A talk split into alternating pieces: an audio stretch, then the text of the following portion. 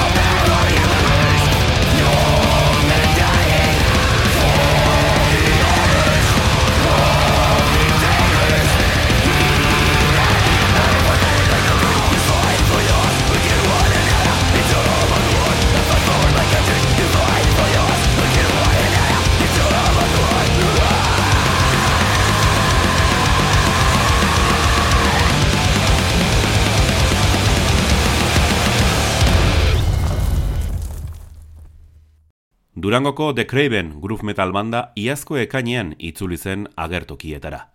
Amala urte luzez itzalean egon ziren tarteka entxeatzen bazuten ere. Taula gainere igo ondoren, konposaturiko kanta berriak grabatzen eta aleka aurkezten ari dira. Berrizko Lorenzo Records estudioan era profesionalean grabaturikoa da aurkeztu duten azkena. The Craven, Fractal.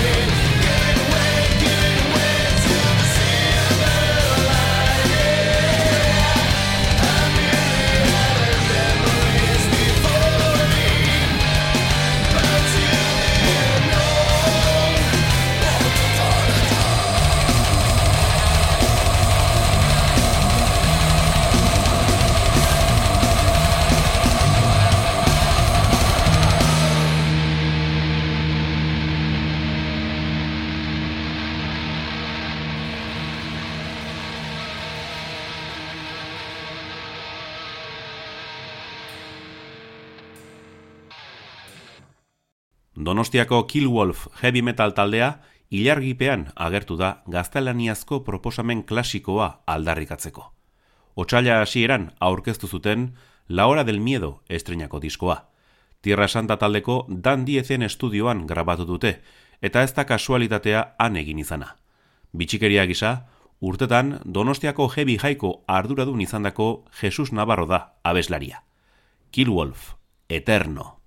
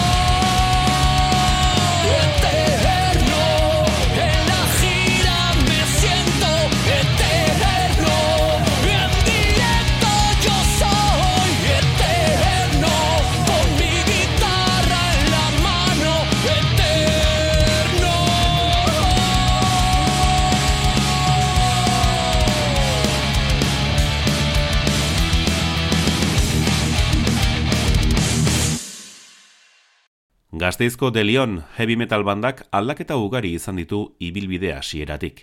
Ezin da ziurtatu boskotea egon gortu dutenik, baina aitor arrastia abeslariarekin beste itxura bat dute. Otsailean sareratu zuten, berarekin grabaturiko lehen kantaren bideoklipa, eta aurten argitaratzeko asmoa duten lan berriaren aurrerapena da. De Leon, Trumpets of Heaven.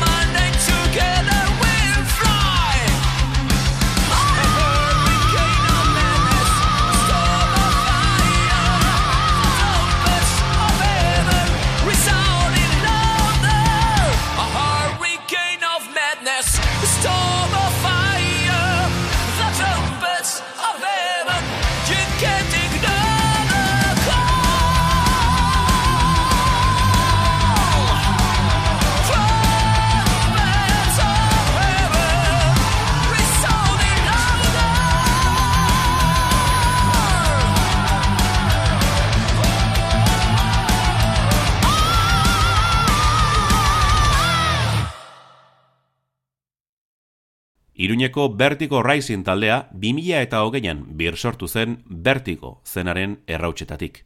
Besteak beste, Lodo, Infest, Akatu, Kea, Ibakusha eta Pentakrator bandetan ibilitako laun musikariren abentura berria da.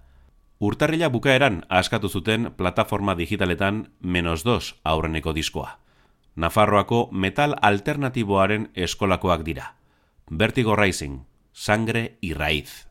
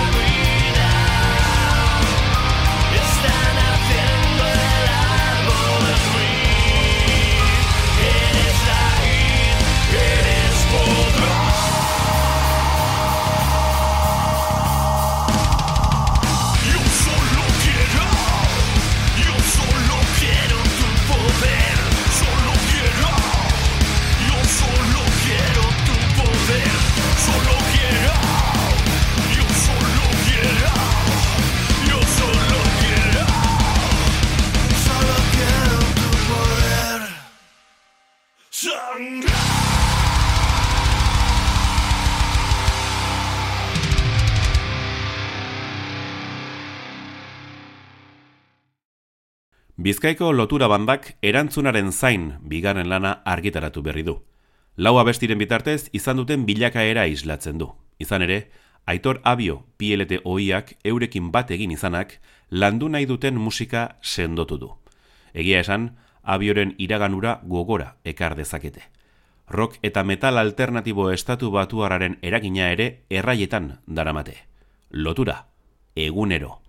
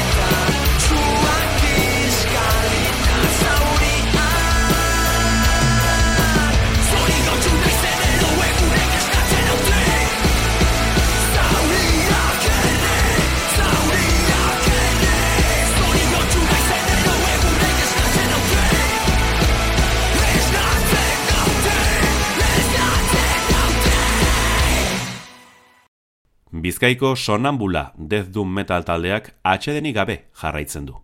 Obituari erreferentei eskainetako lan bereziaren ostean, Estasis Interrumpida irugarren diskoa plazaratu berri dute.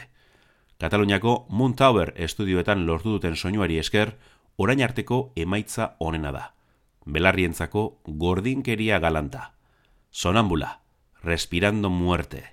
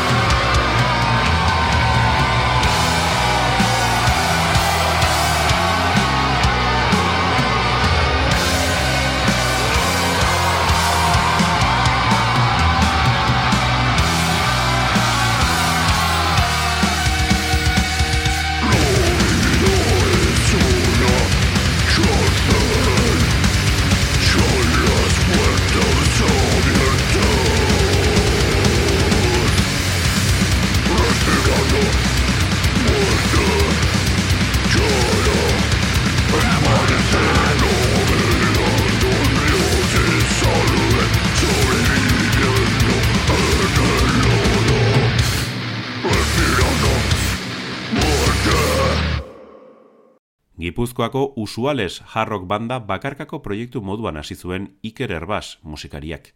Estrainako diskoa aterata, taldekideak bilatu zituen kontzertuak eman alizateko, eta joan etorrikoen ondoren, laukote gisa egingo dute aurrera.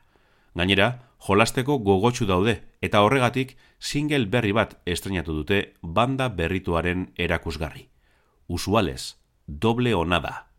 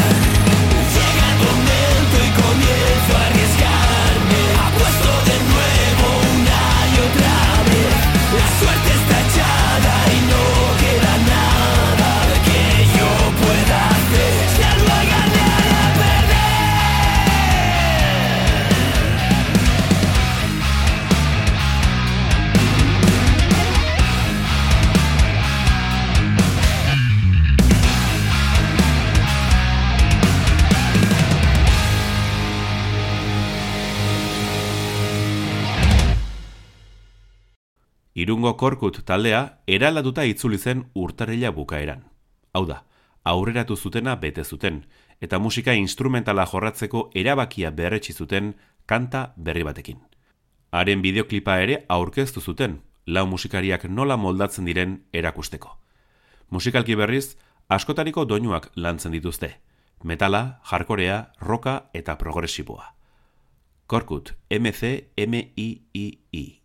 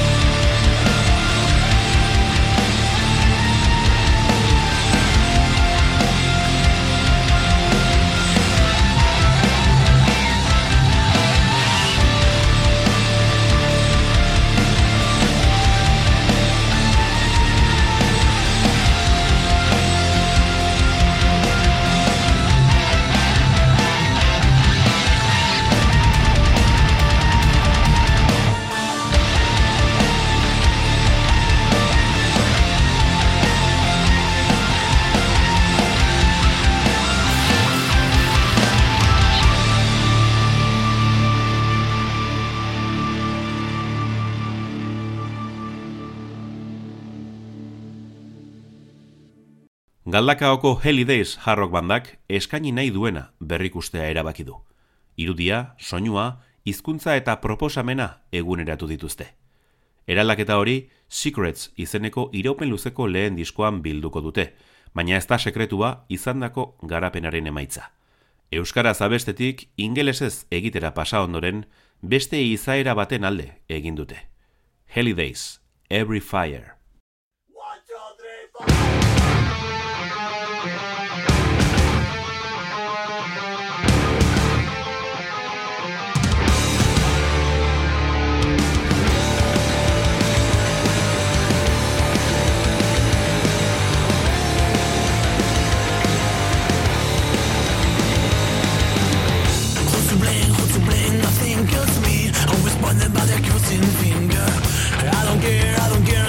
to.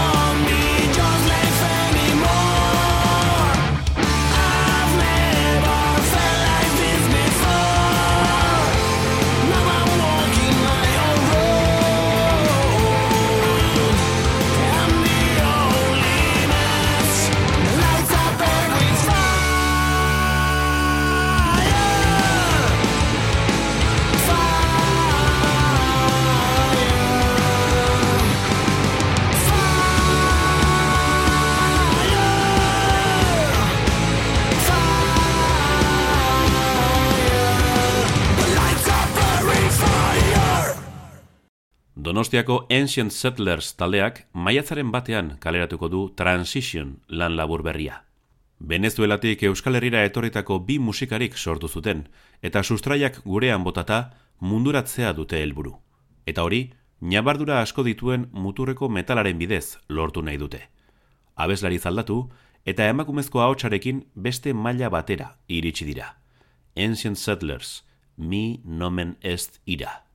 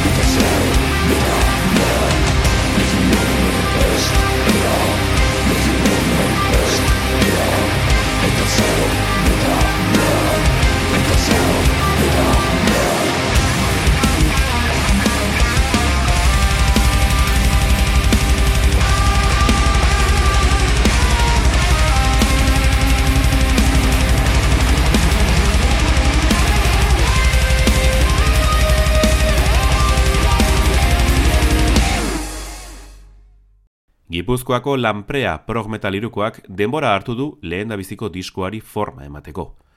Duela urte bete grabatu zuten ingalaterran, eta azken hilabetetan eman dituzte datorrenaren xeetasunak. Essence izeneko lana, martxoaren hogeita maikan kaleratuko dute, eta hiru dira pilula erakargarri moduan aurkeztu dituzten aurrerapenak bakoitza bideoklip batekin. Saioa bukatzeko, lanprea gipuzkoaren single berriena aukeratu dugu. Magla. Urrengora arte, metalzale.